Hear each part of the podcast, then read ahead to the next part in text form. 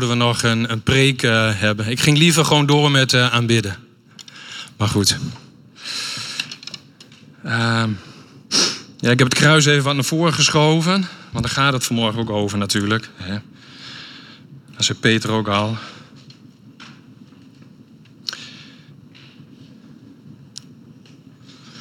Zullen we eerst bidden?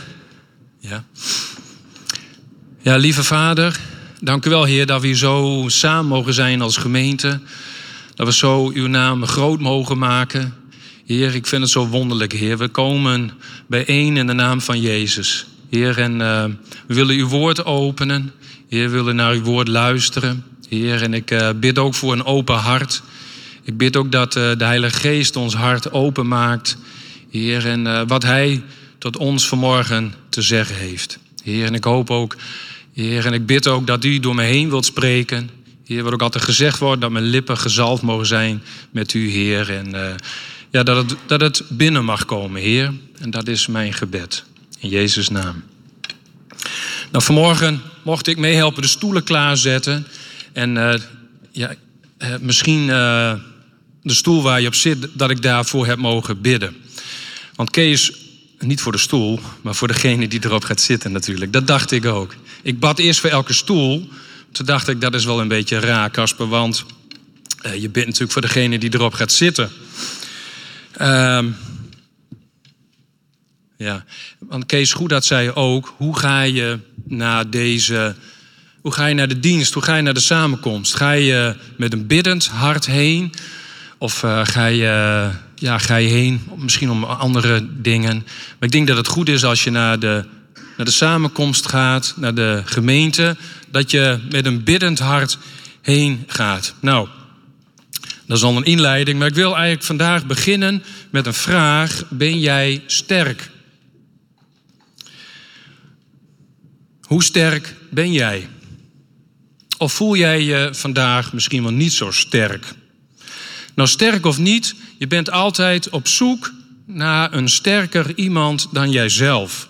Maar zo sterk zijn we vaak niet. Iemand die sterker is dan jezelf, waar je veilig bent, waar je beschermd bent. Iets of iemand naar wie je naar omhoog kunt kijken. En daardoor voel je je vanzelf ook sterker. Nou, een paar jaar geleden, ik denk dat zo'n acht jaar geleden is, ik weet het eigenlijk niet precies. Maar toen moest ik ook heel sterk zijn, want toen hadden we een inbraak in ons huis. Of bij ons huis. En uh, we hebben ze eigenlijk betrapt. Uh, we hebben ze weg kunnen jagen. En dan sta je daar, s'nachts in je onderbroek, in de modregen, even heel sterk te zijn. En op dat moment was mijn, uh, ja, hoe ik mij voelde, was sterker dan mijn angst. Maar die angst kwam later. En Jefte had het vanmorgen over spinnenangst. Je kunt soms echt bang worden. Maar door die inbraak werd ik wel een beetje angstig van dat het weer zou kunnen gebeuren. En door die onzekerheid ging ik camera's ophangen. Ik denk twee of drie wel jongens, hè. Uh, bewegings, vijf zeg. Bewegingsmelders, booby traps verschillende booby traps. Ik, ik, je mag me vragen, maar anders ga ik uitweiden, want het gaat dus niet daarover. En de enige die ik gevangen heb in mijn booby trap, ongeveer drie keer, dat was Annelies. En je kon er op 100 meter afstand wel horen schreeuwen. Dus dat ging niet goed. Dus een beetje paranoia word je daarvan, hè, als je zo bang bent. Maar toen ik een beetje paranoia werd, toen wist ik, ik heb een sterke vriend. Sterke vriend. En zijn naam is Bert. Ja, je dacht misschien iemand anders. Maar Bert is een ex-marinier. Hij zit bij mij op de badminton. Hij is berensterk. Uh, hij gaat van niemand aan de kant. En ik weet, als ik hem s'nachts bel, dan komt hij. Ook in zijn pyjama. Hij zal direct in zijn auto springen. En met zijn diepblauwe mariniersogen kijkt hij dwars door je heen. En hij is zo trouw als een hond. En ik hou ook van honden. Maar hij is echt een labrador. En eigenlijk is een beetje mijn Superman. Alleen deze Superman is wel 75 jaar oud. Nou, Superman zijn, daar wilden ook de mensen in de Bijbel in de periode na de zonvloed. En je kent vast wel het verhaal, de toren van Babel. Dan zullen we dat eens gaan lezen. Dat staat in Genesis 11, Kun je wel even bijzoeken, zal ik het ook doen. Dat ik het niet zo tevoren verschijn. Dat zit natuurlijk voorin, dat scheelt alweer, hè. Genesis 11. De toren van Babel. Heel de aarde had één taal en eendere woorden. Dat is een beetje een moeilijk woord, maar dezelfde woorden. En het gebeurde toen zij naar het oosten trokken, dat zij een vlakte in het land Sinear vonden. Daar gingen ze wonen. En ze zeiden alle tegen elkaar: Kom, laten we kleiblokken maken en die goed bakken. En de kleiblokken dienden hun tot steen en het asfalt diende hun tot leem. En ze zeiden: Kom, laten wij voor ons een stad bouwen en een toren waarvan de top in de hemel reikt. En laten we voor ons een naam maken, anders worden wij over heel de aarde verspreid. Toen daalde de Heer neer om de stad en de toren te zien die de mensenkinderen aan het bouwen waren. En de Heer zei: Zie, zij vormen één volk en hebben allen één taal. Dit is het begin van wat zij gaan doen. En nu zal niets van wat zij zich voornemen te doen voor hen onmogelijk zijn. Kom, laten wij neerdalen en laten wij hun taal daar verwarren, zodat ze geen van allen elkaars taal zullen begrijpen. Zo verspreidde de Heere hen vandaar over heel de aarde. En ze hielden op met het bouwen van de stad. Daarom gaf men haar de naam Babel. Want daar verwarde de Heere de taal van heel de aarde. En vandaar verspreidde de Heere hen over heel de aarde. Nou, tot zover. Nou, misschien door angst gedreven wilden de mensen dicht bij elkaar blijven. Ze zeiden: Kom, laten wij een stad bouwen. En een toren waarvan de top in de hemel reikt. Ze wilden eigenlijk erkend en gezien worden. En ze wisten eigenlijk heel goed wat ze zelf wilden, zonder met God rekening te houden. En één ding wat ze niet wilden, dat was verspreid worden over dat grote aardoppervlak wat al eens verwoest was door water. Dat was een grote angst. Maar nu hadden ze een grote stad en ook nog eens een hoge toren. En dit is volgens mij niet een toren die tot in de wolken reikt, zoals een wolkenkrabber. Volgens mij staat er nu in Dubai de hoogste. Ik weet het eigenlijk niet. Ja, Ramon knikt van ja. En eigenlijk in de tekst staat dat ze een toren bouwden tot in de hemel. Nou, dat, dat, dat lukt niet. Nou, heel veel theologen die denken toch dat het, uh, dat het eigenlijk eerder die toren een bolwerk was van spiritisme en ook occultisme. Helemaal los van God en gericht op zichzelf. En hier gebeurt eigenlijk wat in Romeinen 1 vers 21 staat. Daar staat, daar schrijft Paulus, want zij hebben, hoewel zij God kennen, hem niet als God verheerlijkt of gedankt, maar ze zijn verdwaasd in hun overwegingen en hun onverstandig hart is verduisterd. Dat is eigenlijk wat daar plaatsvond in deze stad Babel. Ze kenden God, maar ze verheerlijkten hem niet en ze dankten hem ook niet.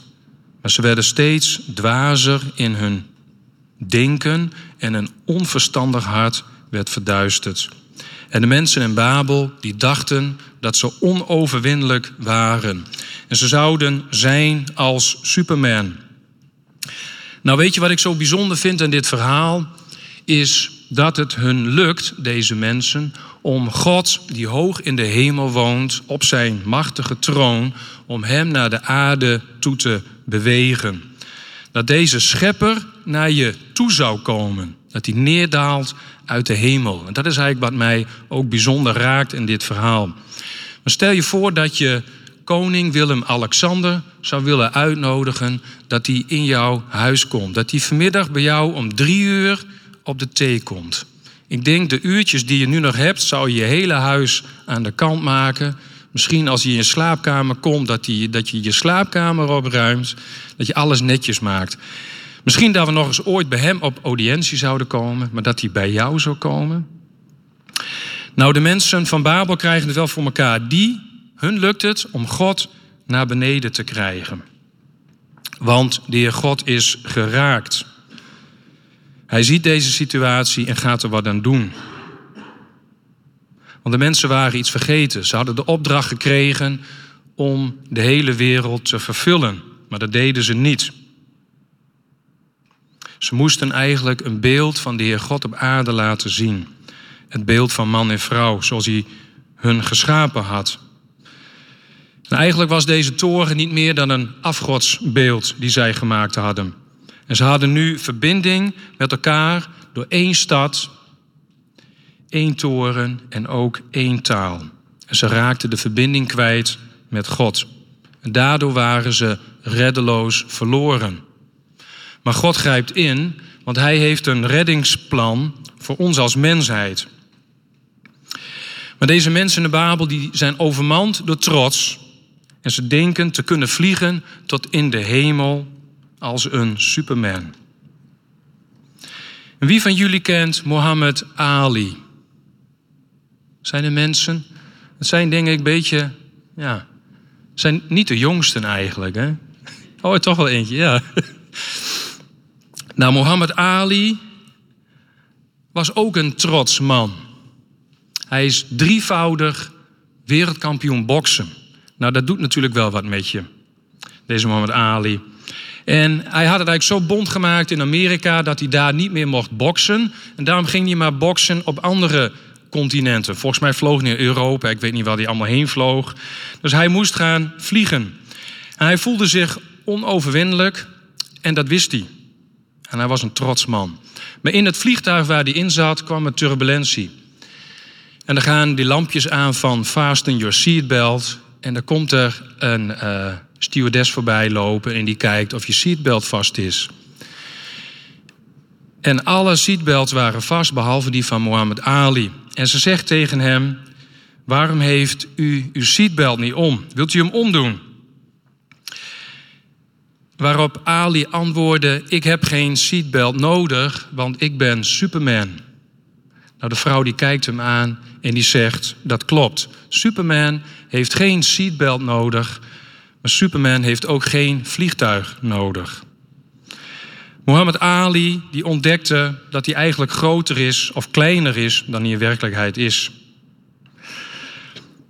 Nou, wat we zien bij het volk van Babel is dat ze eerst angst hebben om verspreid te worden. Dan worden ze trots door wat ze eigenlijk bereiken. Dan komt God naar beneden om in te grijpen en niet door kracht en geweld.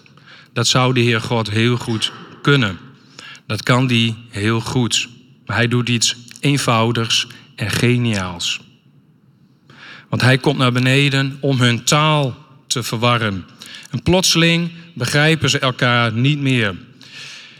En als je elkaar niet meer begrijpt door de taal, dan praat je niet meer met elkaar en raak je de verbinding kwijt. En uiteindelijk heb je niets meer om over te praten. En dit verhaal eindigt uiteindelijk in verwarring. Dat heb je net ook wel gelezen. En de mensen gaan zich alsnog verspreiden over de hele aarde. De mens wikt, maar God beschikt. Weet je, Gods ogen gaan over de hele aarde. Maar vanmorgen ziet hij ook jou. Hij ziet ook jou hier vanmorgen zoals je zit. En als je deze preek naluistert via de podcast of via internet, dan ziet hij ook jou vanmorgen. En vandaag wil God ook in jouw leven neerdalen door dit verhaal heen. En hij wil eens kijken hoe het met je gaat. En wat ziet hij dan? Wat ziet hij dan? Wees eens eerlijk. Misschien zijn we wel net zoals deze mensen van Babel. Misschien ben je ook wel heel bang. En waar ben je bang voor? Ben je bang om iets kwijt te raken in je leven? Misschien ben je wel bang om iemand kwijt te raken. Misschien ben je wel bang geworden voor mensen om je heen. Of ben je bang voor God geworden? Het kan ook zijn dat je een bouwer bent in je leven. Veel mannen zijn bouwers. Die kunnen heel goed op eigen kracht een stad bouwen, torens bouwen in hun leven. De ene toren is nog groter als de ander. En het, het bijzondere is, het lukt je ook nog. En misschien heb je wel het verlangen om gezien en erkend te worden. En dat herken ik zelf ook wel. En je bouwt je toren steeds hoger. En je roept uit: Kom en bekijk mijn toren. Welke torens ben jij aan het bouwen in je leven? En misschien ben je ook zelf wel zo'n toren. En ben je ook de verbinding met God kwijtgeraakt. En zeg je: Ik heb God eigenlijk helemaal niet nodig. Ik kan het wel alleen. En ik heb zeker geen seatbelt nodig. In deze tijd zoeken we heel veel zekerheid in ons leven. En vooral hier in het Westen. Ik denk als je naar Afrika gaat of naar Azië. Deze mensen hebben veel minder zekerheid in hun leven dan wij. Wij proberen er van alles aan te doen om maar zekerheid in ons leven te krijgen. Wat ons ook kan overkomen, we hebben er eigenlijk wel een verzekering voor. Je huis brandt af, we bouwen een nieuwe, de verzekering keert het wel uit. We hebben een hele uitstekende gezondheidszorg, kun je ook ver mee komen. Zelfs je leven kun je verzekeren. En soms zijn we daar ook zo druk mee, met ons zeker voelen, dat je ook God buiten beeld kunt plaatsen. Nou, wat me ook opvalt in deze tijd, is dat veel mensen verward zijn. Veel mensen zijn in de war. En misschien voel je je ook wel helemaal verspreid over de aarde. Je bent je houvast kwijtgeraakt. Wat is, nog wat is je identiteit? Misschien word je wel heen en weer geslingerd tussen God en de aarde. En dat zie je soms ook wel in de kerk en in de gemeente. Dat de mensen elkaar niet langer begrijpen. Dat ze niet meer dezelfde taal spreken. Soms een complete taalverwarring. En je groeit uit elkaar. Ik weet niet wat er in je hart opkomt als ik dit zo zeg. Of het angst is of trots. Misschien ook wel zonde in je leven, waardoor je bij God bent afgedwaald. Want ik denk ook wat deze mensen in Babel deden, dat het ook zondig was als je je afkeert van onze heilige God. Maar mag ik je vanmorgen een vraag stellen? Mag ik vanmorgen je stewardess zijn? Om je te vertellen van een seatbelt in jouw leven. Een seatbelt die vlakbij je is. Misschien heb je hem nog niet eens herkend. Een seatbelt die jou bescherming wil geven, die je strak om je heen kunt doen. Want de Heer God die in Babel neerdaalt, wil ook vanmorgen in jouw leven neerdalen. Dat is zijn verlangen. Hij wil een relatie met jou. Maar God geeft om de gehele aarde, maar hij geeft ook om jou. En hoe ik dat weet, God daalde nog een keer naar de aarde af. En eigenlijk gebeurde dat in Bethlehem. En deze keer niet om te verspreiden, maar om te verbinden. Hij wil je opnieuw verbinden met God de Vader. Deze God die neerdaalde in Bethlehem, zijn naam is Jezus. En Jezus daalde niet alleen af naar de aarde, hij ging nog dieper, hij ging tot in de hel. Om daar de sleutels van het dodenrijk op te halen. En de Heer Jezus werd verhoogd. Want de mensen die, die bouwden een toren. En eigenlijk is het kruis ook een toren. En deze keer kwam ook de Heer God niet met kracht en geweld. En ze deden weer iets geniaals. Jezus werd verhoogd aan deze toren, dit kruis. En wel door het geweld van de mensen. Door het geweld van de Satan. Hier stierf Jezus voor jouw zonde. Hier stierf hij voor jouw angst, jouw trots, jouw verwarring. Jezus leefde het leven op aarde dat wij zouden moeten leven. En Jezus stierf ook een dood die wij zouden moeten sterven. En ik kan me geen sterkere vriend voorstellen. En een betere Superman zul je nooit vinden. Hij is degene die jouw zonden op zich genomen heeft. En deze Jezus waarvan ik je wil vertellen, die kan jouw seatbelt zijn. En veel meer dan een seatbelt. Want het zal hem, dat is niet genoeg hoe ik hem zou omschrijven. Maar hij kan een seatbelt zijn in tijden van turbulentie. En je hoeft op dit moment dan geen torens meer te bouwen. Want met hem kun je vliegen naar ongekende hoogten. Zoals wat Jeremia staat volgens mij als een jonge arend. Want alleen Jezus kan echt in jouw angst komen, in jouw onzekerheid, in jouw verwardheid. Hij is onze toren van kracht. En hij kan je terugbrengen bij God de Vader. God kwam naar de aarde. En hij kwam nogmaals naar de aarde.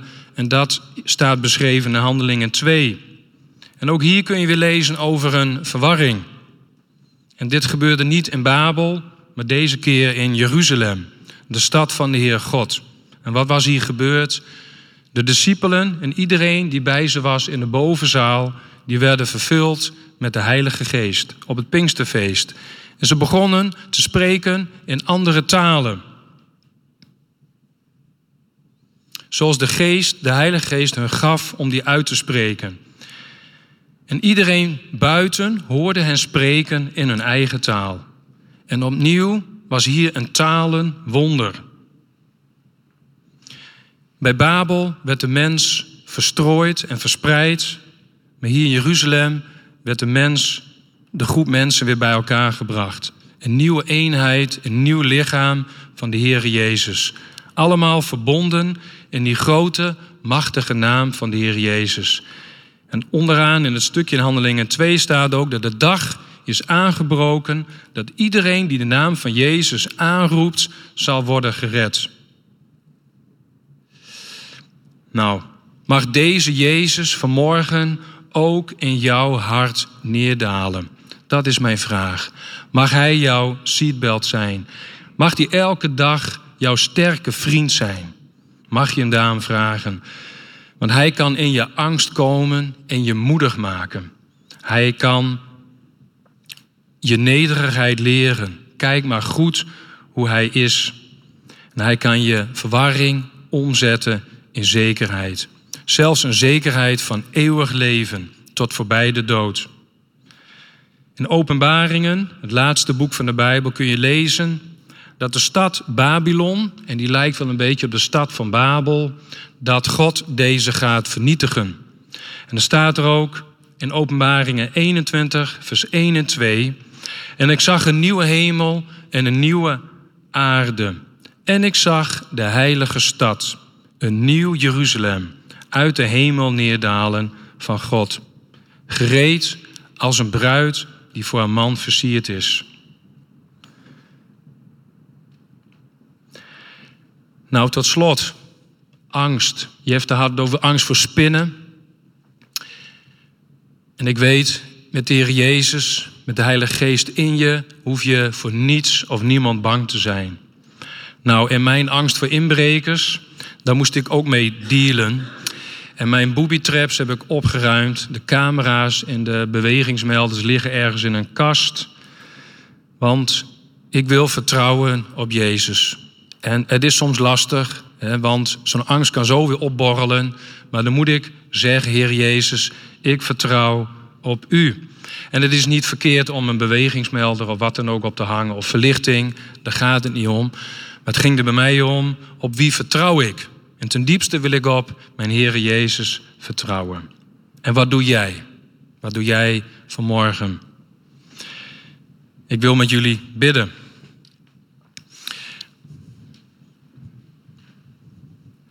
Ja, lieve Heer Jezus, ik wil u danken dat in de tijd van Babel, toen was u nog niet neergedaald als dat kleine kindje in Bethlehem.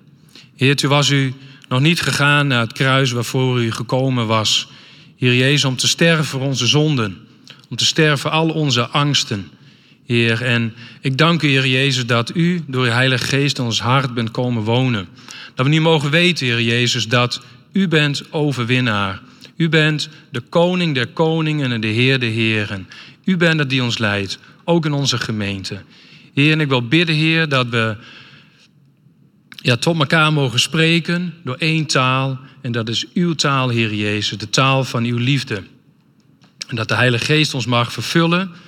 En dat we als gemeente een eenheid mogen zijn, Heer. En dat we een licht in deze duisternis mogen zijn.